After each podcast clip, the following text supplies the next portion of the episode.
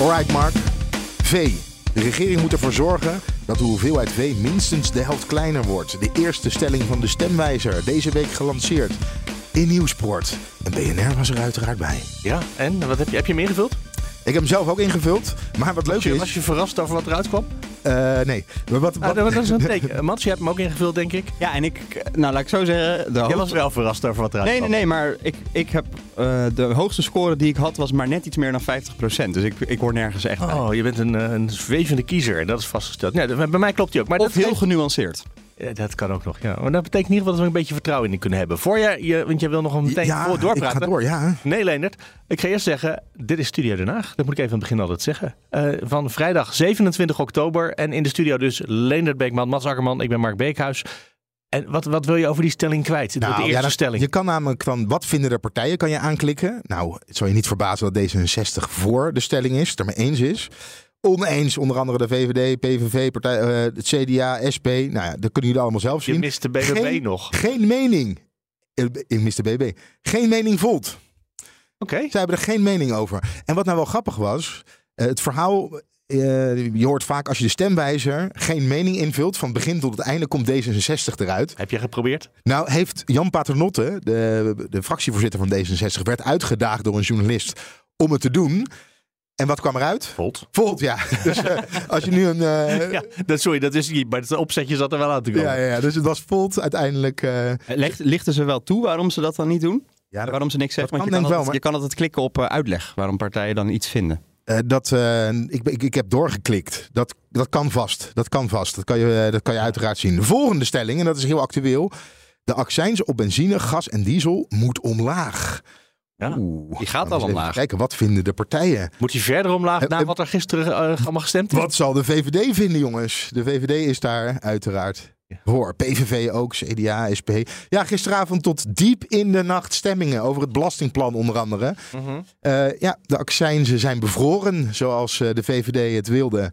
Dekking uit, uit het groeifonds. Maar er is nog veel meer gebeurd vannacht. Onder andere voor studenten. Oké, gaan we het zo over hebben. Eerst moeten we even vaststellen dat we het aantal verkiezingsdebatten, want we zitten nu bij de stemwijzer, laten we meteen de verkiezingen even erbij nemen. Om mensen natuurlijk een beetje een beeld te geven van waar ze op kunnen stemmen. Nou, oké, heb je de stemwijzer en straks eh, stem, nee, het kieskompas en eh, BNR heeft ook een stemwijzer deze keer. Mhm. Of nee, niet een echte stemwijzer. Nou goed, dat, moet allemaal nog, eh, dat komt allemaal nog. Maar er zijn ook debatten. Eh, dan denk je natuurlijk meteen aan het debat van RTL.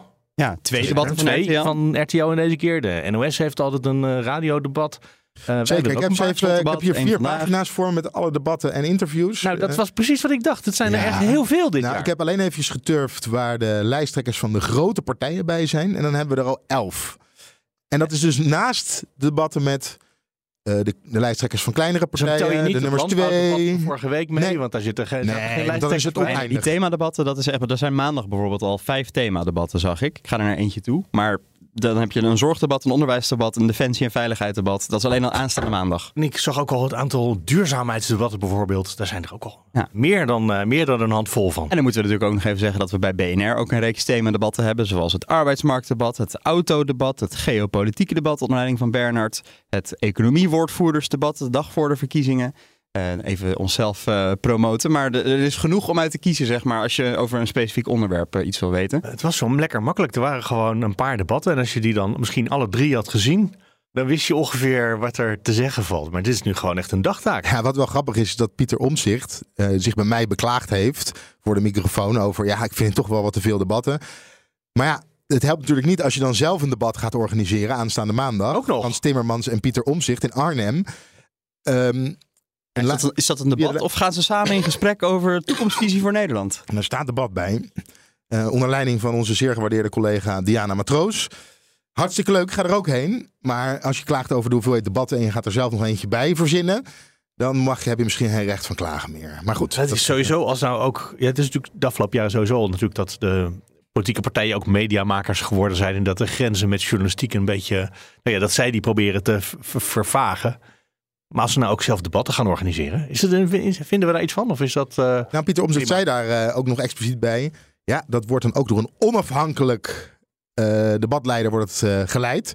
Daarmee zei hij eh, ook een klein beetje, de andere debatten worden dus kennelijk niet door een onafhankelijk... nou, nee, dat debatleider. zei, ik zou eerder denken, je verwacht als politieke partijen zelf iets organiseren.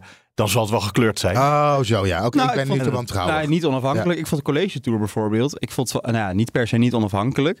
Maar de studenten die waren uitgekozen. Er waren aan sommigen die daar zaten, waren veel meer vragen gesteld. Het was afgelopen zondag college tour tv-debat. Vier partijen, VVD, PvdA, GroenLinks, BBB en Omzicht. En Omzicht kreeg heel veel vragen en BBB bijvoorbeeld bijna niet.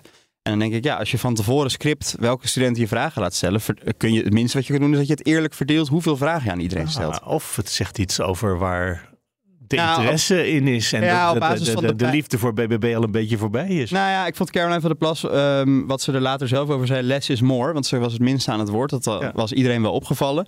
Maar het, ze, met de dingen die ze zei, zei ze wel gewoon duidelijk waar ze voor stond. Bijvoorbeeld meer dan een Dylan Jessicus die heel vaak toch wel lange antwoorden gaf en veel antwoord was, maar lang niet altijd echt wat zei. Ja, Dus- ik vond wel dat Marcia van Roosmalen in het NRC had daar wel een mooie column over. Over eh Caroline van der Plas. eh, die ineens roept, less is more. Ja, dat hebben we natuurlijk het afgelopen jaar hebben we dat absoluut niet bij, eh, bij Caroline van der Plas gezien. Want Nee, dat sterk nog, dat is het eh, D66-standpunt over V. Less is more. ja, Eh, heb je het meeste te tellen hoeveel vragen er kwamen over eh, bijvoorbeeld het VVD-thema waar ze de regering over hebben laten vallen? De asielinstroom, zoals dat zo eh, lelijk heet. Nee, heb ik niet meegeteld. Is er een vraag over gesteld? Nou, ja, ik denk dat je precies hebt meegeteld. Het waren nul vragen namelijk. Ja. En dat is iets wat de VVD het verkiezingsonderwerp had willen maken. ja, dat is dan, mislukt echt. dan, dan moeten de studenten daar wel een vraag over stellen. Nee, maar dat betekent dat het dus in ieder geval in dat deel van de doelgroep echt totaal niet, zo niet leeft dat er zelfs geen vragen over kwamen. Best interessant dat je Nou ja, als of, eh, grootste partij ze Ik denk, daarnaast ik denk dat er er heel veel studenten een vraag van tevoren mochten inleveren en dat ze daar een selectie uit hebben gemaakt. Het programma was ook maar een uurtje. Eh, en dan snap je dat als je met een zaal met studenten een debat gaat houden, dat je er sowieso de vraag over de studierente en de studieschuld moet, moet doen. Ja, de andere Nee. verklaring is dat de redactie van College Tour heeft gedacht: wij vinden het niet het thema. Dat is nog steeds ook best wel fascinerend als de grootste partij van het land tot nu toe dat het thema had willen maken. Nou goed, eh, ik- het viel mij op dat daar gewoon geen vragen over kwamen. Ja. Jij ging al bijna naar de laatste vergaderdag eh, Ja. in de Tweede Kamer, eh Leendert. Er werd tot laat werd er vergaderd. Ja, was je er helemaal bij? Tot, eh, hoe laat want was ik het? moest drie uur, geloof ik, toen het al helemaal klaar was. En ik moest vanmorgen op de radio zijn. Mhm. Het waren heel veel twee minuten debatjes en daarna stemmingen. Dus ik dacht, ik kijk morgen wel eventjes waar... ja, dan had ik dus niet kunnen slapen als ik, als ik daar tot het einde bij was geweest. En zo belangrijk is het ook weer niet om die stemmingen hoofdelijk te zien. Nee, dat is niet zo... eh, Nou ja, kijk, het vervelende eraan is vooral de stemmingen zijn eigenlijk het belangrijkste. En alles wat daarvoor gebeurt, twee minuten debatten, eh, zijn niet zo interessant. Want dat zijn afsluitingen van een eerder al geweest debat waarbij alleen een motie wordt ingediend. Ja. Dus tot we hadden een hele dag, kan we hadden een hele dag Ja. kunnen vullen aan het volgen van twee minuten debat wat niet interessant was. Om vervolgens aan het eind van de dag nog even te kijken wat daadwerkelijk er gebeurd was. Maar dat kun je dan ook vaak de volgende ochtend Ja. wel even terugzoeken. Ik moet zeggen, er was gisteren één heel fel en eh, belangrijk debat nog. En niet in de grote zaal, maar in de commissiezaal. Mevrouw Belhaai van D66. Het is al ruim twee jaar geleden dat de beelden van de val van Kabul de wereld overgingen. Mensen die aan een vliegtuig hingen op Kabul Airport om weg te kunnen uit Afghanistan. Ik ben alle mensen die onder extreme omstandigheden uitvoering hebben gegeven aan de motie Belhaai dan ook intens dankbaar. Over hoe de evaluatie eh, van. Oh, eh, of evaluatie van de, de evacuatie. Dat is moeilijk, hè? Evaluatie van de evacuatie uit Afghanistan. nou, met er een heel kritisch rapport. Een belangrijke vraag die ik mezelf de afgelopen jaren heb gesteld is of we de, als Kamer de motie Belhei hadden moeten indienen. In de wetenschap van wat dit betekent voor alle ook die die motie moeten uitvoeren. Maar het antwoord is ja. Omdat het ingrijpen van de Kamer misschien voor een veel complexere uh, evacuatie heeft gezorgd, maar wel een complexere situatie waarbij uiteindelijk 4500 mensen gered zijn, waarvan we nu anders niet het lot zouden weten. Dat rapport is heel hard inderdaad. Ja. Maar ook, het was ook emotioneel. Omdat de VVD eh, nog steeds vond dat het eigenlijk wel prima was. Dat we al die eh, mensen die Nederland geholpen had, daar hadden laten zitten. Want er was een motie ingediend die uh, onuitvoerbaar was. Of moeilijk uitvoerbaar was.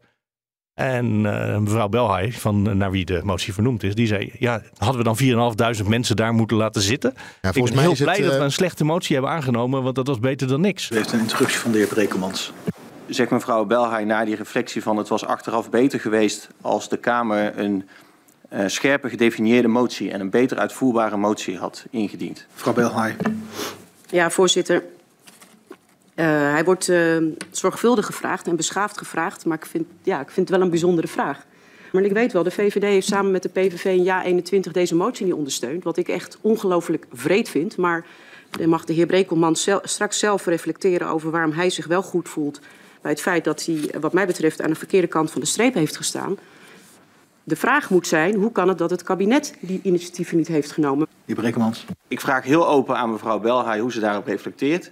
Ik vind het dan eerlijk gezegd een beetje flauw dat ze direct naar het kabinet wijst. Uh, en dat dan meteen een moreel oordeel alsof wij aan de verkeerde kant van de geschiedenis zouden staan. Wij hebben destijds hebben wij tegen die motie gestemd omdat we die onuitvoerbaar vonden.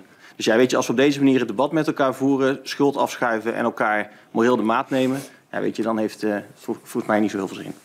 Volgens mij is het punt van Brekelmans van de VVD dat ja, je hebt, je hebt uh, Afghanen waarvan je zegt, ja, die moeten echt naar Nederland komen omdat het te onveilig daar is. Maar op een gegeven moment kom je in een grensgebied terecht. En op het moment dat je die elke keer verlegt, komen er maar steeds meer mensen naar Nederland toe. Nou, als je begrijpt wat ja, ik bedoel. Ik begrijp wat je bedoelt. Maar dat is niet wat hij gisteren zei. En uh, overigens, er was wel een kritiek uit het rapport dat de Kamer te veel naar zich toe probeerde te trekken. Terwijl eigenlijk het ministerie gewoon die, die evacuaties had moeten regelen. En daar had, was de regie niet. Maar de Kamer heeft ja. het moeilijker gemaakt door ook nog met extra eisen te komen in een soort van al moeilijke situatie. Ja, daar was de Kamer het overigens, uh, behalve dus Brekkelmans, het echt totaal mee oneens. Die zeiden, we hebben maandenlang geprobeerd dat is altijd lastig, hè, kritiek krijgen. Ja, ja, ja. Wat dan de, de verdediging van de Tweede Kamer was. Uh, maandenlang hebben wij geprobeerd om alle appjes en telefoontjes die we kregen door te zetten naar het ministerie. Maar als je dan uh, steeds een week later uh, nieuwe appjes krijgt van dezelfde mensen die zeggen: Ik probeer al een week te bellen, maar ze nemen de telefoon gewoon niet op. op een goed moment ga je het naar jezelf toetrekken. Uh, ja, dit was een, een emotionele laatste dag uh, daar in de, de, die vergaderzaal. Ik vind het gek dat de heer Brekelmans nu uh, de suggestie wekt... u had die motie zorgvuldiger moeten maken. Elke seconde meer besteed aan die motie zorgvuldiger maken... betekent gewoon elke seconde meer iemand die dood was gegaan... die we nu wel naar Nederland hebben kunnen halen, heer Brekelmans. Dat is waar we het hier over hebben. Je kunt het wel zo klein maken als u zelf wil. Het is niet een motie, het gaat over mensenlevens. De heer Brekelmans, persoonlijk van orde. Weet je, ik heb niet zoveel zin om dit debat te voeren om de hele tijd te horen hoe ik in het leven zou staan en of dat mensenlevens mij niet zouden kunnen interesseren. Daar gaat het helemaal niet om. Ik heb daar geen opmerking over gemaakt. Ik heb net aangegeven dat het erom gaat hoe je in een crisissituatie waar inderdaad levens op het spel staan, uh, hoe je dan met elkaar tot iets komt wat uh, aan de ene kant ervoor zorgt dat mensen worden gered, maar ook uitvoerbaar is. En daar gaat dit debat over. En ik hoef niet vandaag tien keer te horen dat mensenlevens mij niet zouden interesseren of hoe ik in het leven zou staan. Dat soort waardeoordelen, dat soort intentieoordelen, laten we dat gewoon als collega's niet doen en gewoon een feitelijk debat voeren. Mevrouw Belhaai, daarna vervolgt u uw betoog. Ja, maar dat is precies wel wat ik doe. Want op zulke momenten gaat het niet over teksten en emoties. Dan gaat het over de waarden die je wel hanteert. En het gaat over je morele kompas.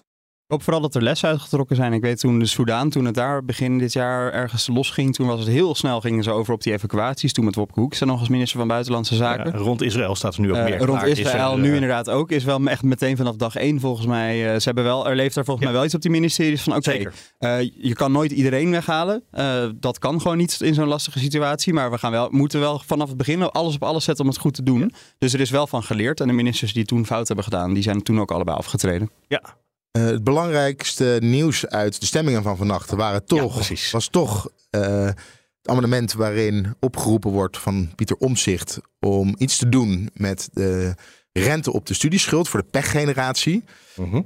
en daar heb ik nog wel iets over te zeggen. Ik ben, ik, nou, ik, vertel. Ik, ja, ik ben deze week gaan rekenen. De basisbeurs is op dit moment 274 euro per maand. Ja. Ga je dat over vier jaar verspreiden, dan kom je ongeveer op tussen de 13.000 en 14.000 euro uit. Naar je, hoe snel je je studie uh, af hebt in die vier jaar tijd. En als je dat, dat mag je, mag je 35 jaar over doen om dat af te betalen. Dan komt dat neer op 30 euro per maand. Plus de rente. Ja, plus de rente die er dan bovenop komt. Maar ja, in het slechtste geval heb je het dan. Stel dat het bedrag twee keer zo hoog zou worden, dan heb je het over 60 euro per maand. Um, dat zijn geen bedragen waarvan je zegt. Uh, die zijn schokbarend. Daarmee is echt. De... Ik vind het woord schokbarend fantastisch mooi. Ja, daar, daarmee, is, daarmee is echt een, uh, je, de, een, een, een, een, goede toekomst is niet meer verzekerd. Uh, nee, het gaat om relatief kleine bedragen, mits je alleen de basisbeurs hebt geleend. Nou zijn er natuurlijk studenten, die wil ik even apart houden, die nu ook een aanvullende beurs krijgen omdat hun ouders niet goed verdienen. En zij hadden echt geen andere keuze en zitten met veel grotere schulden. Maar op het moment dat je het over problematische schulden hebt, studieschulden van 30, 40, 50.000 euro, dan heb je dus bovenop die 13.000 euro hè, de, de gemiste basisbeurs, heb je heel veel erbij geleend. Mhm. En geleend geld moet je op een gegeven moment terugbetalen. En daar komt ook rente op. En de rente was heel erg laag. Eh, de politiek heeft is ook nog gezegd. steeds laag, man. toen het- Als je dit historisch bekijkt, is het nog, Nog steeds, heel laag. eh, de studenten is eh, wel verteld van, eh, nou ja, we gaan dit invoeren, maar eh, kijk eens hoe laag de rente is. Zo erg is het niet om te lenen. Oké, daar geven ze gelijk in. Maar als je het puur die 13.000 euro hebt, zit je niet in een problematische situatie. Oké. Ja, klopt. Maar het is, het is een hele lastige situatie. Ik ken ook veel mensen om me heen, dus het is maar goed. Ehm, je hebt eh, natuurlijk mensen die gewoon ook voor de lol veel geld hebben geleend om gewoon leuke dingen te doen in hun studententijd. Misschien ook onverantwoord. Eh daar staat wel tegenover dat, nou ja, als je interviews terugkijkt met de toenmalige onderwijsminister Jet Bussemaker, eh, daar werd echt gewoon gezegd: maak je geen zorgen om dat geld lenen. Leen gewoon. Het is hartstikke gunstig. Je kan het gewoon doen. Je hoeft je nergens zorgen over te maken. Vervolgens zitten mensen nu, eh, komen ze in de knel omdat ze bijvoorbeeld gaan, nou niet in de knel, maar is het lastiger om een hypotheek te krijgen? Terwijl het toch altijd een beetje omheen hing van, ja, dat... Nee, dat Maar is beloofd in de Kamer. Dat gaat- de hypotheek, daar ga je geen last van hebben. met Nou, deze dat is dus ook, ik heb daar met Lisa Westerveld van GroenLinks volgens mij over gesproken. En die zei toen ook wel een keer tegen mij van, ja, waar dat dan precies vandaan is gekomen is, ik ben echt Eh, gaan nou zoeken. ja. En dat is volgens mij nooit echt zo, zo hard beloofd, maar toch spookt dat verhaal wel rond. Het zit in mijn hoofd dat ik het gezien heb in de Tweede Kamer. Ja, Maar goed. precies. Maar goed. Eh anywho, wat veel interessanter is, is dat ook hiervan, deze studierente, volgens mij die wens om dat te verlagen, die was er toch wel breed. Of in ieder geval dat het niet zou vervijfvoudigen. Omdat als je een hoge schuld had, dan kwam je echt wel met, kreeg je er nou duizenden euro's per jaar moest je gaan bijbetalen. Ehm, maar wat dan wel weer vervelend is, is dat er toch een soort politiek spelletje van wordt gemaakt.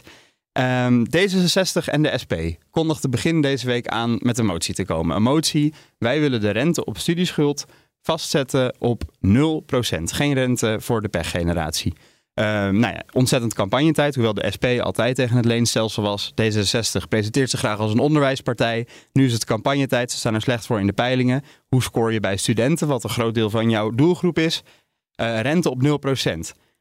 Maar waar willen ze die vastzetten op 0% uit betalen? Want dat kost natuurlijk geld Mhm. uit het verhogen van de BTW op sierteelt. Dus als jij een mooi bosje bloemen wil kopen, dan betaal je daar niet meer het lage BTW-tarief over, maar het hoge Dus BTW-tarief. als dan de studenten dit weekend eh, naar huis gaan, nemen ze geen bosje bloemen voor moeder mee.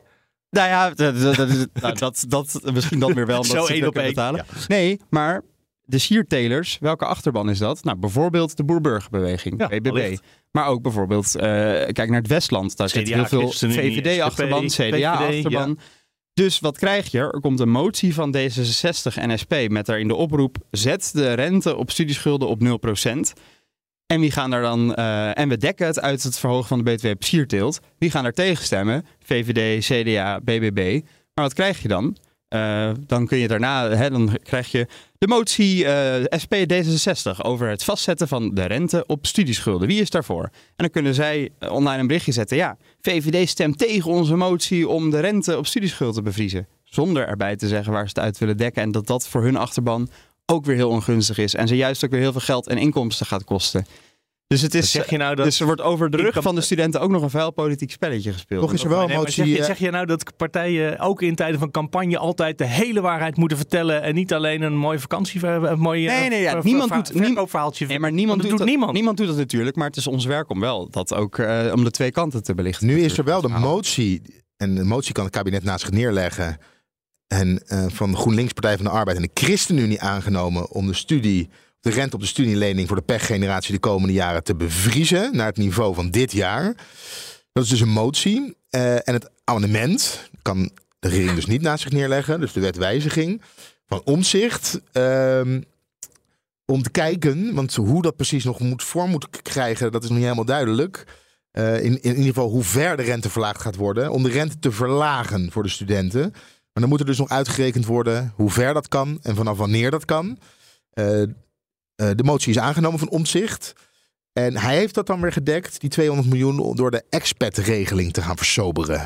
Eh, Als je naar Nederland komt hier met expat, dan krijg je de eerste vijf jaar krijg je een belastingkorting van 30% En dat moet versoberd gaan, eh, gaan worden. Maar D66 was ooit voor het leenstelsel. eh, mede omdat ze zeiden, ja, die schuld wordt over zoveel jaar uitgesmeerd. Want Normaal gesproken moest je in 15 jaar je studieschuld terugbetalen. En dan ging het over echt flinke bedragen. Hè? Als je hoge schuld, een hoge schuld hebt. En dan heb je het wel over eh 200, 300 euro per maand als je goed verdient. Dat werd dus Ja, dit- uitgesmeerd over... Maar zo, D66 35 was jaar. niet voor, de, voor dat leenstelsel omdat je het langzaam terug kon betalen. Maar ze waren omdat het geld wat daarmee opgehaald wordt, zou worden het onderwijs gebruikt gaan. voor het onderwijs. Wat niet Ja. gebeurd is overigens. Nee, maar dan werd er gezegd van, toen de tijd al... Ja, maar die schuld, die is zo klein. klopt. Dat was en dat kan je over zoveel jaren het terug erg betalen. was. Ja. Maar het was niet de reden om het in te voeren. maar dan komen ze nu dus het niet in te voeren. Kennelijk komen ze er nu op terug. Hè? Die Ja. relativering van je hebt zoveel jaar nog terug te betalen. En over, over hoeveel hebben we het nou eigenlijk als je dat per maar maand gaat nee, maar ze, ze zijn er ook op teruggekomen omdat het doel Ja. nooit bereikt is. Ja. Dus als je... Maar dat verandert niks aan hun. En die lange eerdere terugtermijn termijn argument. is natuurlijk ook, kom, kom je ook weer terug bij die hypotheek. Want als je zegt ik wil een huis kopen en die studieschuld is heel hoog, maar je gaat 35 jaar om het af te bouwen. Als je heb je 25 bent afgestudeerd en je gaat de hele 35 jaar aflossen, ben je 60 tegen de tijd dat je geen studieschuld meer hebt, dan kun je dan een keer een huis gaan kopen. Nee, dus mensen willen versneld aflossen. in de laatste maand heb je nog maar 30 of 60 euro eh, schuld. En dat, eh, nou, dat gaat Nee, precies, maar- maandbedrag af van je hypotheek. Nee, maar je wilt dus eigenlijk toch wel versneld aflossen. Want dat, als je een hoog bedrag hebt, moet je er snel vanaf zijn. Wil je Ja. sneller in aanmerking voor een Zeker als hypotheek de rente hoog is, wil je sneller terugbetalen dan, eh, dan nodig is misschien zelfs. Ik heb hier een quoteje, dat heet NSC over dekking. Dus gaan we dat hier op de een of andere manier infietsen of gaat het over dekking van iets anders? Nee, dit gaat niet over deze dekking. Gaan we niet infietsen. Maar we hadden deze week het lang verwachte, de lang verwachte presentatie van het verkiezingsprogramma van Nieuw Sociaal Contract. Ik heb hem meegenomen. Het deed mij denken aan zo'n eh, ruitjeschrift. Wat je kreeg op de middelbare school om wiskunde Ik aantekeningen dacht, je pakt je aantekeningenschrift erbij, maar dat is, Nee, dit is het... Dit is eh, het je tijd voor herstel. Vertrouwen, zekerheid, perspectief. Nieuw sociaal contract. En een prachtige foto erin van Pieter Omzicht. En de foto zullen veel mensen herkennen. Want het is de foto die ook op het boek staat. Nieuw sociaal contract van Pieter Omzicht. ik zag Hij reacties... maakte er eh, zelf nog een grapje over ja? dat hij er nog goed uitzag op die foto, omdat het een oude foto was. Ja, ik zag reacties op mensen die zeiden: Oh, maar ik stem nooit op mensen die zich van onderaf laten fotograferen omdat ze er groot uit willen zien. Het is wel een beetje een eh, bijna Stalinistisch plaatje, toch? Ik snapte wel waar het over Ik laat, ging. deze, ik laat deze aan jou, Mark. Kwalificatie, ja, ik probeer het even beelden te maken. Het is in ieder geval een man die met visie over het land uitkijkt. Ja, ja, zeker. En ik moet zeggen, eh, het is een heel degelijk programma. Het is een programma waarbij, je- waarmee je alle kanten op kan, in mijn ogen. Het is, dat, is niet zo, dat klinkt niet zo goed. nou, Als je zegt, ja, je kan er alle kanten mee op. nou, alle Eh, kanten. Het laat ruimte om eh, te gaan onderhandelen. Het Ah, is- oké. ja, het, laat, het is niet zo met, dat ze eh, zeggen van... de eh, dieren of met SGP en dat gaat Voor, voorbeeld om te geven, we moeten wat aan bestaanszekerheid doen. Maar we moeten, zoals iedereen zegt, ook iets aan het toeslagenstelsel doen. Mensen in eh, box 1 moeten gewoon meer geld overhouden van, het, van als ze werken. De marginale druk moet naar gekeken worden. En ook het minimumloon moet omhoog. Maar hoeveel wordt daarbij niet verteld? Dan moeten we eerst even kijken naar wat er voor in de rest van Europa gebeurt. En wij verdienen eigenlijk al best wel veel. Eh Ja, ons minimumloon is hoog. minimumloon is hoog, heb ik van omzicht geleerd. Ja, het zit in de top maar... 3 van Europa. En dan gaat het ook niet per se om het minimumloon en hoe ho- hoog dat is, maar wat je ermee kan betalen. En dan, En dan is het laag naar de- ineens. Nou ja, de lasten zijn te hoog. Dus Ja. je kan zeggen, we moeten het minimumloon verhogen. Maar je kan ook zeggen, we moeten bepaalde lasten, zoals die voor energie of die voor wonen, moeten we verlagen. En dat is dan meer de, de, om- de manier die omzicht Staat dat daar dan in, dat de huren omlaag moeten in Nederland? Ja, dat is dan een oplossing bijvoorbeeld. En ik weet niet hoe je dat met de Nou particuliere ja, er, moet meer, er moet nog meer worden gebouwd dan al de ambitie is. En daarmee kun je dan de kosten van het wonen drukken. Ik heb die woonparagraaf zitten lezen. Dat vind ik En naïef. Ik ben er eigenlijk vrij snel doorheen geskipt. Omdat ik gewoon heel veel teruglas. Wat ik de afgelopen tijd ook van eh, Pieter Omzicht eh, heb gehoord. Dus hoofdstuk 3, dat geeft ook aan dat ze het heel belangrijk vinden. Gaat over de wooncrisis. Eh er moet bijgebouwd gaan worden. Ja. En dan gaat het ook over de regulering van de middenhuur. Over betaalbare koopwoningen kopen. eh, maken. eh verkortere bezwaarprocedures. Nou, dat, hebben, dat kennen we allemaal. eh het, verrassingen? eh, het, Nee, het maar- huidige regeringsbeleid. Ja, je de bedoelt, afgelopen- Hugo- in je bedoelt Hugo de Jonge, zei Pieter Omzicht. Ja, ik ben zo scherp vandaag. Pieter. In de Oh, afgelopen Jonge. In de afgelopen maanden hebben we natuurlijk heel vaak gehoord... ja, maar de details die komen nog. Eh, wacht u maar op ons verkiezingsprogramma. Ik heb het gevoel eigenlijk dat de details nog steeds moeten komen. Nou ja, als je het bijvoorbeeld hebt over dat, dat had hij al een paar keer gezegd. De Telegraaf bracht het alsof het eh, nieuws was. Maar hoofdstuk 4, migratie. Dan eh, wordt er een quotum wordt er gesteld. Het Migratiesaldo Een moet richtgetal. op een richtgetal moet op 50.000 moet dat komen. Dan hebben we het over arbeidsmigratie, migratie voor studie en eh, we hebben het over asielmigratie. En bij elkaar mogen er dan nou, er mogen maar 50.000 mensen bijkomen in Nederland. Dus als er dan oorlog in minder Oekraïne... Ja. Dus als er dan ineens oorlog in eh, Oekraïne of in eh, pak een beet Gaza uitbreekt... en er komen duizenden mensen deze kant op, laten we zeggen 50.000... dan sturen we alle expats het land uit. Hoe werkt dit? Nee, daarom is het dus een richtgetal. Wat ik Oh, dan vinden we het, het richtgetal is onbelangrijk. Nee, het richtgetal is een richtgetal omdat je in principe daarop moet richten, maar dat je er wel bij uitzonderlijke omstandigheden van kan afwijken. Dus ja, iets uitzonderlijks als een oorlog in Oekraïne heeft hij ook specifiek benoemd, omdat Mhm. hij zegt, ja, we hebben het altijd over opvang in de regio. Op het moment dat er een oorlog uitbreekt in een land wat grenst aan Europa, ons continent, eh, dan kunnen we niet verwachten dat al die mensen alleen maar in Polen terecht kunnen. Dus dan vallen wij ook onder opvang in de regio en dan moeten wij ook onze fair share doen. Maar dat is uitzonderlijk en je wil in normale jaren wil je je richten op het richtgetal. Ik snap wat je zegt. We hebben het dan over grip op migratie. Dat, Ja. is, een- dat is dan het woord zoals ze het bij de VVD eh, uitspreken. En als je naar deze drie communicerende vaten gaat kijken, ik ben het wel met jou eens, Mark, dan gaat het wel heel lastig worden. Want op asiel hebben we weinig grip. Hoe graag je dat ook eh, wil, dat is heel lastig om daar grip op te kijken, krijgen.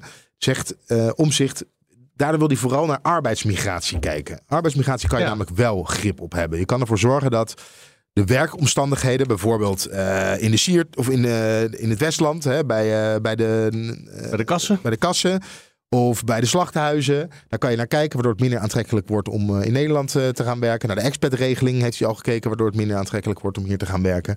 Eh, en hij wil een minister voor migratie die dit dan de hele tijd in de gaten moet gaan houden. Dus ik zie me dan voor me dat er een minister zit die de hele dag op een monitor kijkt wie hier Die komt alle werken, wie hier komt studeren. En, in de gaten houdt. ja, maar hij kijkt bijvoorbeeld ook naar studie. En als je dan kijkt wat hij daarover schrijft, dan zegt hij twee dingen.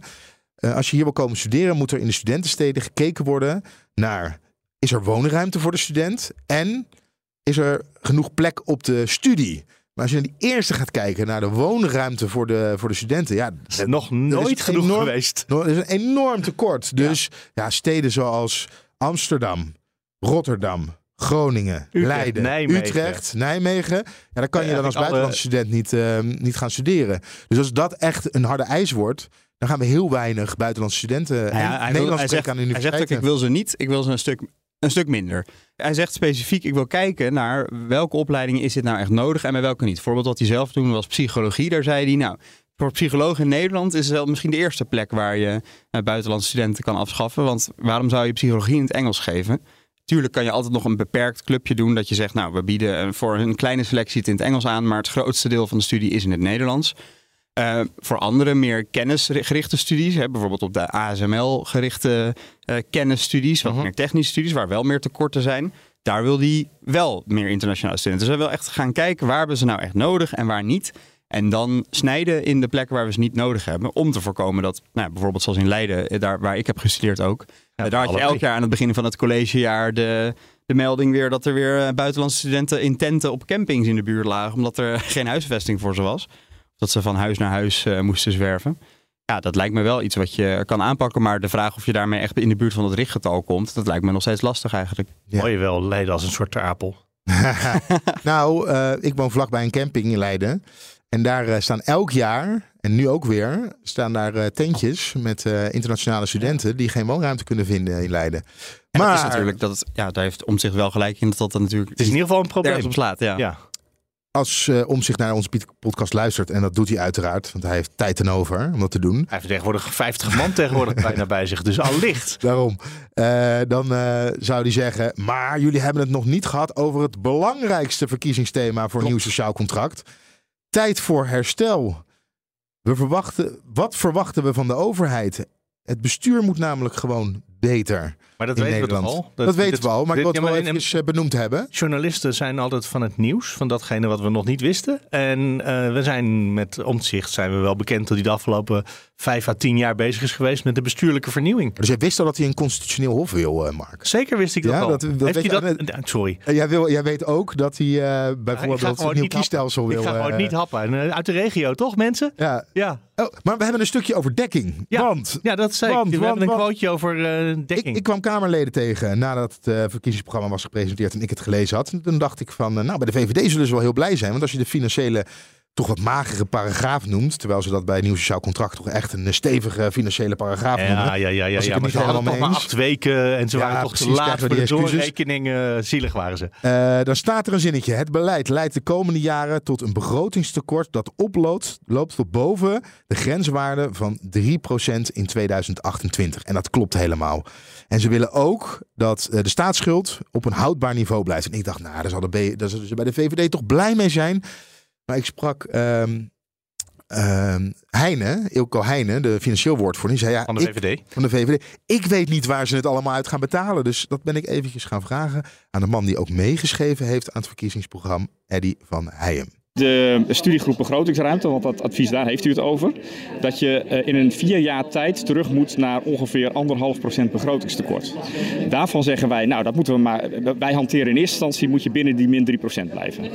Daarbinnen moet je vervolgens kijken hoe je stapsgewijs eh, naar die 0 procent weer kunt gaan. Maar dat hoeft niet van het een op de andere dag. De staatsschuld in Nederland is erg laag. Maar dat, laag zij zeggen ook, dat, dat adviesorgaan zegt ook, in 2028 moet het wel gebeurd zijn. En dan stellen wij voor om voor 17 miljard Ja. in ieder geval om te buigen. Dat is eh, met alle respect op, gebaseerd op CPB-modellen die de economie voor de komende vier jaar voorspellen. Waarvan wij, als je terugkijkt, echt kunt vaststellen dat als er één ding niet uitkomt, dan zijn het CPB verondersteld. Maar u bent er wel mee eens, dat de, want dat zegt u zelf ook, de overheidsuitgaven eh, worden te groot de aankomende jaren. Dus daar moet je iets aan doen. En dan moet je een keuze maken. Dan ga je ofwel bezuinigen, ofwel je gaat de lasten Ja, verzwaren. wij, wij doen het allebei en op een verantwoorde manier. En dat staat er wel degelijk in. Ik daag u echt uit om één verkiezingsprogramma te noemen waar concreet... Niet naar andere wijze, dat is een jijbak, Nee, meneer Van, Heijem. U vraagt mij naar onze keuzes. Ja. En wij zijn heel concreet waar wij de bezuinigingen zoeken en ook waar wij de lastenverzwaringen zoeken. En wij beloven geen lastenverlichting voor iedereen. Wij beloven geen hoge verhogingen van het minimumloon die miljarden gaan kosten. Dat doen andere partijen wel. Wij zeggen wij zijn selectief in de eh, uitgaven die wij willen intensiveren. Maar wat nog belangrijker is, wij kijken veel kritischer naar de bestaande uitgaven. Want vergeet niet, afgelopen jaar, over 2022, hield de Rijksoverheid 6,5 miljard euro over. Het jaar daarvoor 4 miljard. Afgelopen jaar 6 miljard. De komende jaren wordt dat nog veel meer, omdat we het geld niet uitgegeven krijgen. Het arbeidsmarkttekort, eh, maar ook de onrealistische eh, prognoses en, en ramingen in de begroting zelf, zijn gigantisch. De overheid weet niet meer waar het geld aan uitgeeft. Nou, ik zie wel in andere programma's wat meer cijfers. Wat levert iets op? Wat gaat iets kosten? Willen we het bij de zorg doen? Willen we het in het onderwijs doen? Willen we het hè, bij eigenlijk nu nog de begroting van Karin van Gennep bij werkgelegenheid en sociale zaken doen? dat maar- zie ik bij u niet. Nou ja, maar eh, die cijfers zijn er natuurlijk wel. Want als wij zeggen, eh, ook op dat zal ik u een voorbeeld geven. eh, u krijgt bij ons geen gratis kinderopvang. Die, die 2 miljard is dat per jaar. Hè? 2,2 miljard structureel, hè, als je dat onderscheid er toch maakt, waarvan wij kunnen zeggen dat kun je dus ook, dat zul je misschien voor een deel nodig hebben om eh, de, de, eh, het oplopende begrotingstekort eh, eh, in te dammen. Maar je kunt het ook echt wel degelijk besteden aan andere prioriteiten die, eh, die wij wel leggen. En nieuw sociaal contract, je hebt het gehoord. Het, werd eigenlijk ingeleid omdat er een, ehm, eh, vanuit een ambtenaren, een adviesorgaan, ze hadden gezegd in 2028 moet, het, de overheid voor 17 miljard gaan bezuinigen. En dan is mijn vraag, ja, waar komt dat dan vandaan? Maar ik tikte hem al even op zijn vingers tijdens het interview, want hij wijst dan naar andere partijen. Ja. Een nieuw sociaal contract zal toch echt tijdens deze campagne moeten leren dat ze, eh, zoals ze het zelf zeggen, in de Champions League spelen nu. Eh, ze voelen zich nog een, eh, een club vanuit de Jupiler League, maar ze spelen nu Champions League. En dan lig je onder een vergrootglas, dan worden er kritische vragen gesteld. En dan kan je niet meer gaan wijzen naar, ja, maar anderen doen het ook niet. Of ehm, eh, wat dan ook gezegd wordt, ja, de, de modellen, ja, wij hebben het niet door laten rekenen, maar we, we geloven niet zo in modellen. Nee, Ja, niet met- Dat hebben, ze ook niet, dat hebben ze ook niet gezegd. Hè? Ze, hebben het, eh, ze hadden tijdgebrek. Want 1 Ja. augustus moesten ze het uiterlijk inleveren. Toen was het programma gewoon. Het zijn- Omtzigt heeft ook af. al een probleem met modellen. En dat is gek voor een econometrist. Bovendien hebben ze het zelf doorgerekend, zeggen ze. En dat doen ze toch ook met modellen. Dus eh, Ja, Eddie van Heijem, dat is misschien wel een goede context die je net hoorde. Was, CDA, was financieel woordvoerder van het CDA. Heeft ook in de Tweede Kamer gezeten met Pieter Omzicht. Dus hij zei er wel zelf over van ja, ik als oud financieel woordvoerder zou het toch, toch niet over mijn hart kunnen krijgen om iets, om iets af te leveren waarvan ik het gevoel heb dat het financieel compleet onverantwoord is. Ja, dat is natuurlijk een beetje op de emotie spelen. ik, zou ik ook Eh, zeggen. Maar het waren wel inderdaad, um, ja, ze- eh, het zal zeker nog rammelen aan de kanten, maar inderdaad wel wat concrete dingen, zoals de gratis kinderopvang, bezuinigen op externe inhuur bij de overheid, willen ze 0,7 miljard halen, dus minder consultants. Eh, en zo waren eh, hogere hotelbelasting voor eh, hotels en eh, vakantieparken. Dus er waren wel een paar punten, maar inderdaad dat je wel denkt, zijn we er hiermee? En andere dingen waarvan je toch wel denkt, nou, ik weet het nog niet zo goed. ja, maar jij zegt, je moet nu moeilijke vragen verwachten als NSC of als Pieter Omtzigt. En dat snap ik. Dat is namelijk Ja, maar wat, dat begon wat wij doen. Maar het is toch ook gewoon, ze zijn gewend in de afgelopen drie, vier jaar, zeker Omtzigt persoonlijk, dat hij gewoon een soort aura heeft van onaantastbaarheid en eh, bijna heilig verklaard, eh, heb ik hem meerdere keren horen zeggen. Ja, dan ga je natuurlijk op een bepaalde manier in het leven staan. Ja, weet je wat het was? Het, het kwam een beetje over als een zure vraag van onze collega Lemja van het eh, NRC. De eerste vraag, namelijk na de presentatie van het verkiezingsprogramma, was: Meneer Omzicht, u wijst er altijd op dat er genoeg tijd moet zijn om stukken te kunnen lezen. Wij hebben zeven minuten voor de presentatie van het verkiezingsprogramma hebben we, eh, de papieren versie gekregen. Daarvoor hebben we niets gezien. En er wordt nu van ons verwacht om kritische vragen te gaan stellen hierover. Hoe kijkt u daar zelf naar? En dan zegt hij dus. Ja, dan komen er de smoesjes. Eh, u heeft de hele dag nog om naar ons toe te komen. En eh, eh, het, het, verkiezingsprogramma wilden we niet laten uitlekken, want we waren, we, de, waren bang dat het eerder in de media terecht zou komen. En uh, u heeft alle tijd om het te lezen en daarna nog met vragen terug te komen. Maar Pieter Omtzigt zou het zelf niet pikken als er een debat zou zijn of een plek waar je vragen zou moeten stellen, als hij niet goed geïnformeerd zou zijn. Om één voorbeeld te geven. En dat is de Champions League waar ik het over heb. Ja, hij moet rekening ermee houden dat hij niet meer wegkomt met jij bakken en we hadden weinig tijd en we bestaan pas net. En uh, hij doet mee om de grootste in Nederland te worden. En dan moet hij zich ook gedragen naar een partij. Oké, okay, Leen legt het nog één keer uit. Ja. Oké, okay, Meneer Omtzigt heeft meegeschreven. Ik gok erop dat dat ja. waar is. Um, zullen we het hebben over een hele andere partij? Denk bijvoorbeeld. Ja, nog wel interessant inderdaad. Um, ik uh, was uh, gisteren donderdag bezig met uh, gewoon eventjes wat vertrekkende Kamerleden spreken. Het was hè, de laatste werkdag met al die debatten. en ik kwam Farid Azarkan tegen, de oud-partijleider van DENK, vertrekkend Kamerlid. En ik was toch wel even benieuwd. Eerder deze week lekte er namelijk wat van DENK uit. een verkiezingsprogramma met daarbij ook wel wat, ja, toch wel wat stevige plaatjes. En een aanval op, op Wilders, met Wilders achter tralies gefotoshopt. Hmm. En toch wel weer dat ik even dacht van, oké, laten we even teruggaan in de tijd met DENK. Toen zij begonnen toen ze afsplitsten van de PvdA, de eerste partijleider Kuzu en Usturk, die er toen nog was. Die hadden toen een beetje een strategie van best wel fel en best wel aanvallend en filmpjes knippen en plakken. En dat was een soort, ja, dat werd ze niet altijd in dank afgenomen, zeg maar. Um, toen was er een soort intern conflict. Toen werd Farid Azarkan de partijleider. En van hem werd toch altijd wel gezegd dat het een wat, wat gematigdere koers was. Uh, wel fel in de debatten, maar ook wel uh, zoeken naar waar er verbinding was met andere partijen. Azarkan gaat weg. Van Baarle, Stefan van Baarle, is de nieuwe partijleider. En die lijkt toch weer een beetje uh, ja, te gaan varen op de, de oude, fellere, aanvallende koers. Wat je ook heel erg ziet in de Israël-Palestina-debatten. Waarbij Denk mega uitgesproken pro-Palestijnse koers heeft. En er echt heel fel is in de debatten bij monden van Van Baarle. En ik was toch wel benieuwd hoe Azarkan daar naar keek. Dat, dat we toch weer een beetje teruggingen naar die naar het oude Denk. En uh, nou, laten we er even naar luisteren. Is Denk bij uw opvolger in goede handen? Dat hoop ik wel. Hij heeft natuurlijk wel zijn eigen, eigen stijl. Uh, ik moet zeggen dat ik zelf de laatste maanden alleen bezig ben geweest met die enquêtecommissie. We zitten nu in de fase van het schrijven van het rapport. We hebben openbare verhoren gehad. Dus ik volg niet alles. Maar ik, uh, ik hoop dat hij, en ik verwacht dat hij het in ieder geval goed gaat doen in de debatten. en dat er ook nu een pittige ja, pittige periode aankomt in verband met de verkiezingen en de verkiezingscampagne. Ja, denk toch afgelopen dagen weer even een beetje negatief in het nieuws door wat dingen die er uitlekten. Hoe, hoe kijkt u daar dan naar als oud-partijleider? Nou, ik zag dat dat niet uh, iedereen uh, meteen doorvraagt, maar ook uitgaat van datgene wat ze meteen waarnemen. Ik denk dat het goed is om altijd met elkaar in gesprek te zijn, ook als standpunten anders zijn. Ik denk dat wij op gebied van, van uh, als het gaat om Palestina en Israël, gewoon echt een, een ander standpunt hebben. Wij kijken naar de bredere context. Wij kijken ook naar het perspectief van, uh, van de Palestijnen. En ik zie dat er gewoon heel veel partijen in de Tweede Kamer eigenlijk uh, ja, altijd Israël steunen, ongeacht wat ze doen. En wij denken dat dat wat genuanceerder kan. Daar kiest Van Baal een beetje zijn eigen koers in en zijn, de manier waarop hij dat doet ik denk dat het gewoon een, een, verstandig is dat we daarin altijd met elkaar in gesprek blijven. En dat we elkaar daarin niet kwijtraken, als, ook als Nederland. Gematigd dit, ja. Nou ja, ik bespeurde er toch een beetje, daar kiest Van Baarle zijn eigen koers in. Hij noemde hem ook niet Stefan, maar Van Baarle. Eh, ik bespeurde er toch een beetje bij Azarkan iets in dat hij het toch niet heel erg fijn vond. Toch weer die hele felle koers.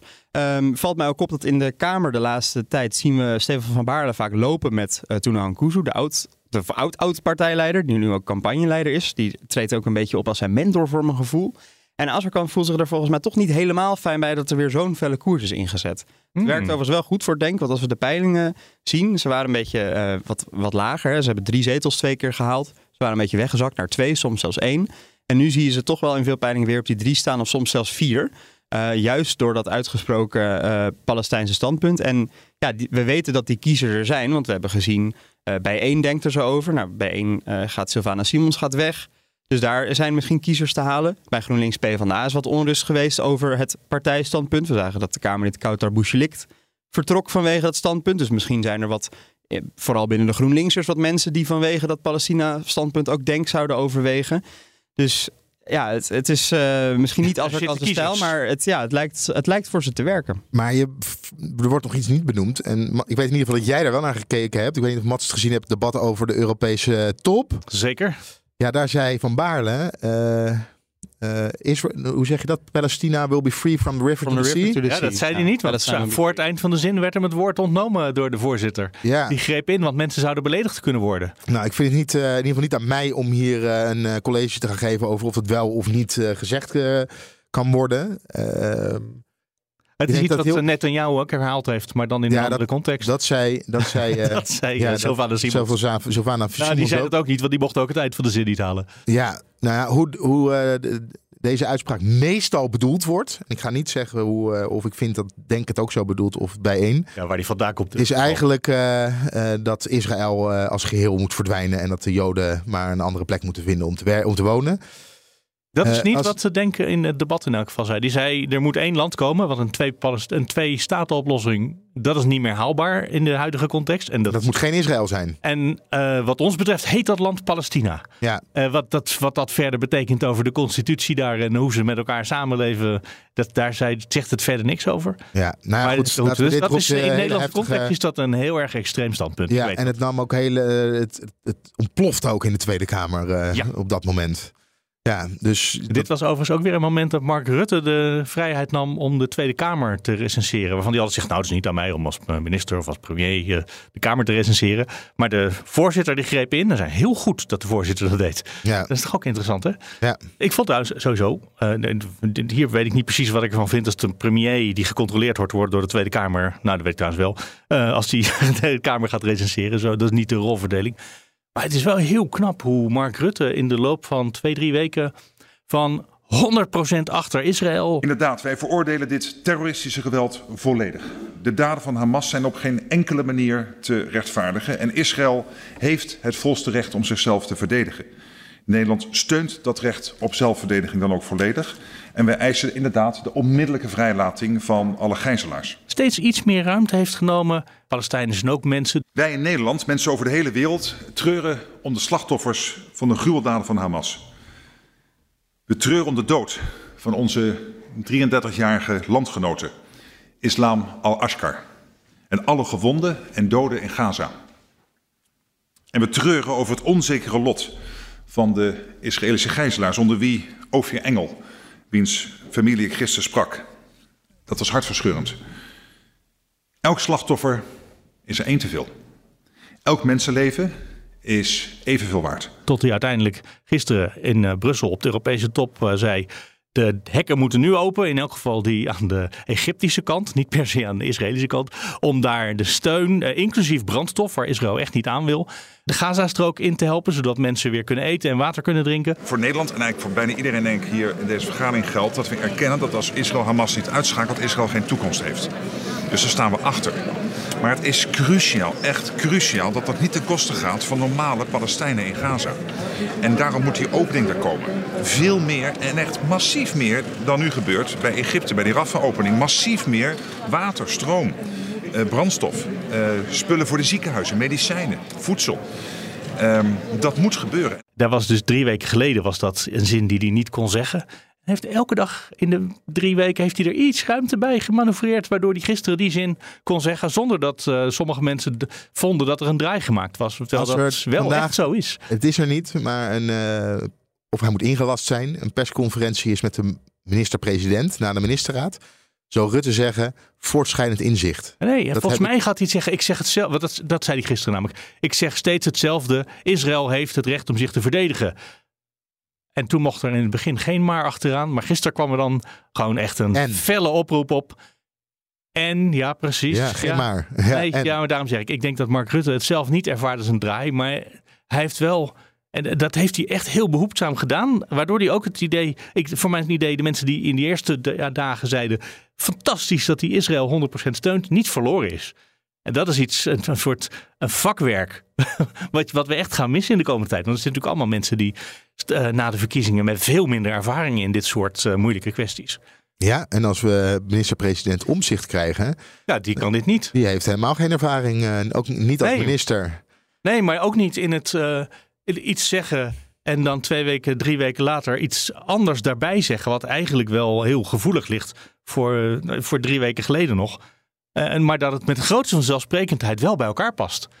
Nou, Ja. dat, dat vakwerk, dat, dat gaan we missen. Verder eh, Ja. kan je van alles vinden van die partij, overigens ook een wel. peiling afgelopen week hierover, over wat Nederlanders van, van vinden. En dan is het ook wel inderdaad. Hè? Nederlanders eh, maken zich zorgen over Israël, en maar Ja. ook over eh, de Gazastrook. En eh, ze vinden Hamas wel de aanstichter, maar ze vinden ook dat wat Israël doet te, te stevig is.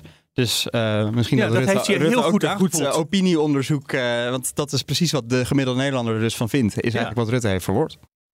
Volgens mij, het, ja, het is een beetje een korte aflevering misschien. Nou, daar gaan we nog wat aan doen trouwens, Leendert. Maar het is een beetje, het is natuurlijk ook ja, stilte voor de storm. De verkiezingen komen over drie, vier, vijf weken. Wat is het? Ja, drieënhalf week. Drieënhalve week. Eh, de laatste debatten zijn geweest. Nou, we hebben stemmingen gehad eigenlijk vooral. Want de debatten waren, wat eh, Mats net zei, twee minuten debatten. Dat zijn eh, momenten waarop je als fractie twee minuten mag praten over een heel belangrijk onderwerp. Om een motie voor te lezen vooral. Dus misschien is het ook niet zo gek dat we snel klaar zijn. Maar we eindigen altijd met iets leuks van Leendert op het Ja, eind. ik heb echt een, en nu heb ik echt iets voor de luisteraar. Ja, Om je vingers bij af te likken vandaag. Maar heel rechts Nederland? Of, eh, Nee, nee, nee. Iedereen, Iedereen. Kan, iedereen kan hier zijn vingers bij aflikken. Want het is bijna zover. 175 jaar geleden werd door Thorbecke de grondwet herzien. En dat werd gevierd in de Statenhal in de Tweede Kamer. Aha. Daar werden lezingen, ge- of in ieder geval praatjes gehouden, ook door Pieter Omzicht. Omdat er een kunstwerk werd eh, onthuld met Thorbecke daarop. En dat wa- was naar aanleiding van een motie van Pieter Omzicht. En ik ben met hem gaan praten over het bijzondere revolutiejaar 1848. En wat dat betekend heeft voor Nederland en eigenlijk voor heel Europa. En wat het misschien wel betekent, hè, het Thorbecke voor Omzicht zelf en voor de toekomst van Nederland. Oké, dat gaat bijna 10 minuten duren. Ik zou zeggen, geniet ervan. Dan zeg ik alvast tot volgende week. Mede namens Mats en Leonard, ik ben Mark. Dankjewel voor het luisteren en eh, tot volgende week. Dus ja, precies. Veel luisterplezier. We gaan even naar de jaren 40 van de 19e eeuw. Een Leids hoogleraar buigt zich al jaren over de grondwet. Dat is dan nog een samenschaapsel van wetsartikelen. En hij vindt het een puinhoop. Hij wil het hervormen. En dan breekt het revolutiejaar 1848 aan. Wat gebeurt er dan in Nederland? Ja, ik ben natuurlijk trots, je noemt hem een Leidshoogleraar, maar als Overijssels Kamerlid zou ik toch ook willen zeggen dat hij uit Zwolle kwam. En daar Als Leidenaar denken wij altijd dat hij uit onze stad komt. 1844 heb je de negen mannen met Thorbecke die natuurlijk ehm, een voorstel doen. En dat was een totaal kansloos voorstel hier in de Tweede Kamer. Maar wat hij zag, en dat zag hij ook uit zijn tijd, want in Leiden was hij niet alleen hoogleraar, hij was ook lid van de gemeenteraad. En daar zag hij hoe een gemeenteraad functioneerde waar alles geheim was en achter gesloten deuren. En daar schreef hij een buitengewoon vermakelijk boek over. En toen heeft hij een voorstel gedaan van ja, nou, dan moeten wij ook die grondwet hervormen. Nou, natuurlijk zag de koning dat op geen enkele wijze zitten. Want de koning had eigenlijk nog een, ja, het was een verlichte vorm van een monarchie. Hè? Dus een, natuurlijk waren er wel eh, burgerrechten, het is niet, maar eh, de koning was de baas. En dan hebben we het over Willem II. Ja, dan hebben we het over Willem II. En ehm, Willem II, die, eh, die werd wat bang. Eh, er waren optochten in het begin van 1848. En hij zag één voor één eh, revoluties uitbreken in, eh, in, in Parijs. In een aantal Duitse steden. Duitsland was nog geen eenheidsstaat, maar dat waren allemaal stadstaten waar de revolutie flink rondwaarde. Dat kon je ook dagelijks lezen, of tenminste met een dag of twee vertraging, lezen in de kranten uit die tijd. Die zijn ook interessant om te lezen. Dat je overal ziet dat de revolutie uitbreekt. En onder die grote druk geeft hij dan een commissie van vijf mensen, waaronder Thorbecke en Donker Curtius, die we erg vaak vergeten, want het was Donker Curtius die het uiteindelijk doorvoerde, niet Thorbecke. Geef, krijgt de opdracht en eh, wat heel, heel knap is, dat ze binnen 3,5 week ook een voorstel schrijven voor een nieuwe grondwet. Dat mogen de commissies in Nederland ook wel eens wat vaker doen, 3,5 week. Nou, moeten we er wel bij vermelden dat Thorbecke zelf al heel lang bezig was met die grondwet. En zich er al jaren aan stoorde wat voor een puinhoop dat eigenlijk was. Hè? Ja, dat klopt. Maar eh, ook als wij nu commissies instellen, dan is het altijd zo dat we natuurlijk altijd hoogleraren nemen die er al jaren over nagedacht hebben. Dus ik bedoel, dat eh Thorbecke had zelf eh, al een keer een proeven van een grondwet geschreven. Hij had daar eh, heel lang les over gegeven in Leiden. eh, waar natuurlijk ook het constitutioneel besef enigszins begon te groeien van nou, dit zou een oplossing kunnen zijn. Dus wat in 1844 een volstrekt kansloze eh, exercitie was, werd in 1848 iets wat snel doorgevoerd werd. En Willem II, die moest je knopen tellen. Die zag de revoluties, eh, zowel in Parijs, in die eh, Duitse steden, ook in het Habsburgse Rijk. En dacht van ja, voordat zometeen die monarchie hier opgeblazen wordt, moet ik eigenlijk akkoord gaan met die grondwet zoals die nu voorgesteld wordt. Maar werd hij zelf ook op afstand gezet? Ja, hij heeft eigenlijk zelf die grondwetscommissie ingesteld en hij heeft zichzelf daarmee eigenlijk eh, op afstand gezet. En dat is eigenlijk heel bijzonder. Eh, want in Frankrijk zie je dan de revolutie uitbreken. Maar wat hij dan toch nog niet wist, dat in Frankrijk, dat een paar maanden later weer afgelopen was en natuurlijk weer vrolijk terugging naar een koning. ja, dat vergeten wij weer. Maar hij was toen wel zijn eh, macht kwijt. En hij heeft het ook een beetje door de Kamer geduwd. De, ene, de Kamer deed nog een klein beetje moeilijk over dingen als een, eh, een, wie er nou mocht stemmen. Thorbecke had het graag wat breder gewild, maar het censuskiesrecht kwam wat hoger te liggen. Dus met een, alleen mannen met een hoog inkomen mochten stemmen. En het mooie van die grondwet vind ik dat ehm, juist toen die grondwet op orde was... en hij heeft zelf, is zelf ook daarna nog een paar keer kort premier geweest... ehm, kon hij op basis van die grondwet een aantal dingen doorvoeren. Dus je krijgt, als de katholieken krijgen het herstel van de bisschoppelijke hiërarchie hier. Dus die vrijheid van godsdienst was niet iets abstracts. Het betekende ook het toelaten van een tot dan toe religie die niet overal toegelaten was in Nederland. Betekende een eh, hernieuwde push voor publieke werken. Betekende het begin van ehm, de infectieziektebestrijding. Ehm, eh, scholen werden ontwikkeld. Dat duurde nog een hele tijd voordat die leerplicht echt goed op gang kwam hoor. Dus het, eh, eh, maar hè, dan, dat is natuurlijk veel later. Maar omdat hij de basis van eh, de staat, zo die moest functioneren, op orde had, kon hij vanaf dat moment op een normale manier besturen. En dat was eigenlijk het grote inzicht van Thorbecke. Dan mag ik even een sprongetje maken naar het heden. Joh. Eh, ja, eh Thorbecke zag dat de grondwet een zootje was geworden. Dat het aan hervorming toe was. Eh, kan ik dan een parallel trekken met Pieter Omzicht? Nou, ik, ik wil mezelf niet in die traditie plaatsen. Maar ik wil wel de, de vergelijking met dat het bestuur een, een, een, een, een, een, een bord spaghetti geworden is, die doet zich wel voor. U heeft ook twee concrete voorstellen. Nou, ik heb er een stuk of tien die in mijn verkiezingsprogramma staan. Een constitutioneel hof. Want nu kun je de grondrechten nergens afdwingen. Daar zijn we ongeveer de enige in Europa mee. Ehm, natuurlijk heb ik gezegd, de koning moet belasting gaan betalen. Want dat staat er ook nog een eh, lange tijd in. Maar op dit moment legt de grondwet in Nederland alleen vast hoe wetgeving in Nederland wordt bepaald. Maar de grondwet in Nederland biedt niet de mogelijkheid voor het parlement om tegen de regering te zeggen: u mag niet instemmen met Europese wetgeving. De afgelopen paar jaar hebben we een paar keer gehad dat de Kamer zei: nee, u gaat niet akkoord, eh, staatssecretaris Van Huffelen, met het Europese identiteitsbewijs. En Van Huffelen deed het toch. Dat kan in de Nederlandse grondwet eigenlijk niet. Dus ik denk dat je het expliciet moet vastleggen dat als ministers met iets bindends akkoord gaan, dat ze dan toestemming van het parlement nodig hebben. Ik vind dat artikel 68 versterkt moet worden. Trouwens, daar waarschuwde Thorbecke al voor als je zijn geschriften leest. Want dan zie je dus dat eh, uiteindelijk eh, de Kamer heeft recht op informatie. Eh, en is een uitzonderingsgrond in belang van de staat. Thorbecke waarschuwt daar al dat het belang van de staat dat wordt enorm opgerekt. Ja, dat hebben we bij de coronatijd hebben we dat juist Zo, gezien. zo, en niet alleen in coronatijd, bij de, bij de afgelopen regering. Thorbecke stelt voor, het zijn grondwet, dat elke uitgave voorafgegaan moet worden door een wet. Waardoor het parlement alleen de jaarlijkse begroting. Wat gebeurde het afgelopen jaar? De suppletorenbegroting, dus de tussentijdse begrotingen van soms wel 40 miljard, werden via het muizengaatje wat in de wet gekomen was, werd, begonnen ze met uitgaven voordat ze voorgelegd werden aan het parlement. De Rekenkamer is er ook heel kritisch op geweest. Ja, maar als ze in 1848 naar Thorbecke geluisterd hadden, dan had dat niet eens gekund. En Pieter Omzicht luistert wel naar die Thorbecke. Ik heb die stukken het afgelopen zomer en het afgelopen voorjaar met veel interesse gelezen, ja. Ja, en ook de Thorbecke-lezing heeft u er nog, eh, heeft u het in ieder geval benoemd. Maar betekent dat dat na de verkiezingen, stel u komt in een coalitie, dat u ook beter gaat luisteren naar wat er in 1848 werd voorgesteld? Dan wil ik een aantal dingen die hij toen voorstelde, die toen niet zijn doorgevoerd, die wil ik alsnog doorvoeren. Noemt u er een paar, de belangrijkste? Eh, Het informatierecht van de Kamer, het, ehm, eh, het eh, belang van de staat moet beter omschreven worden. Ehm, eh, die grondwettelijke toetsing. Nou, hij deed dat via de wet op de ambtsmisdrijven. Nou, die wet is totaal, functioneert niet meer. Dus die moet totaal vernieuwd worden. Dat weten we al twintig jaar. Want als er hier iets lekt of iets gebeurt, dan wordt er nooit iemand voor gevonden, zoals u weet. En dat komt omdat die wet niet deugt.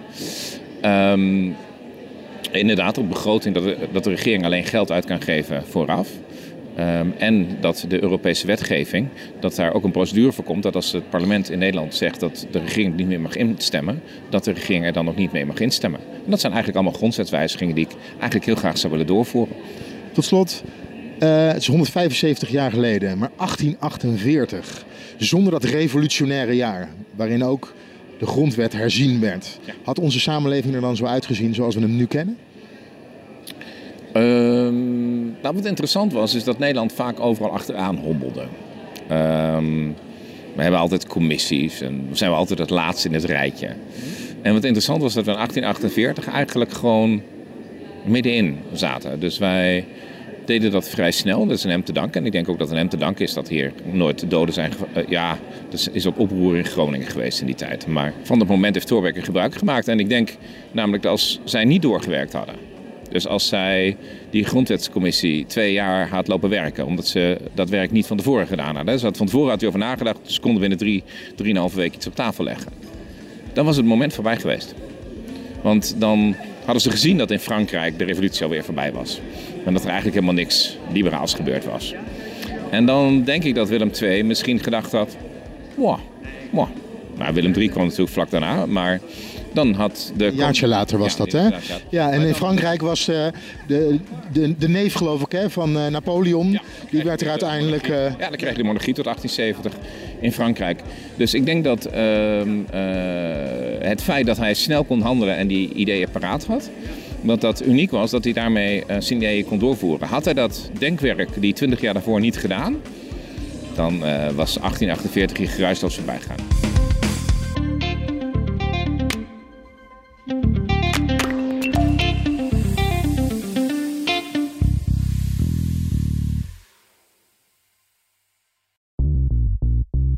BNR ben je altijd als eerste op de hoogte van het laatste nieuws. Luister dagelijks live via internet. Bas van Werven. En heel langzaam komt de zon op rond dit tijdstip. Je krijgt inzicht in de dag die komt op BNR, het Binnenhof in Nederland en de rest van de wereld. De Ochtendspits. Voor de beste start van je werkdag. Blijf scherp en mis niets.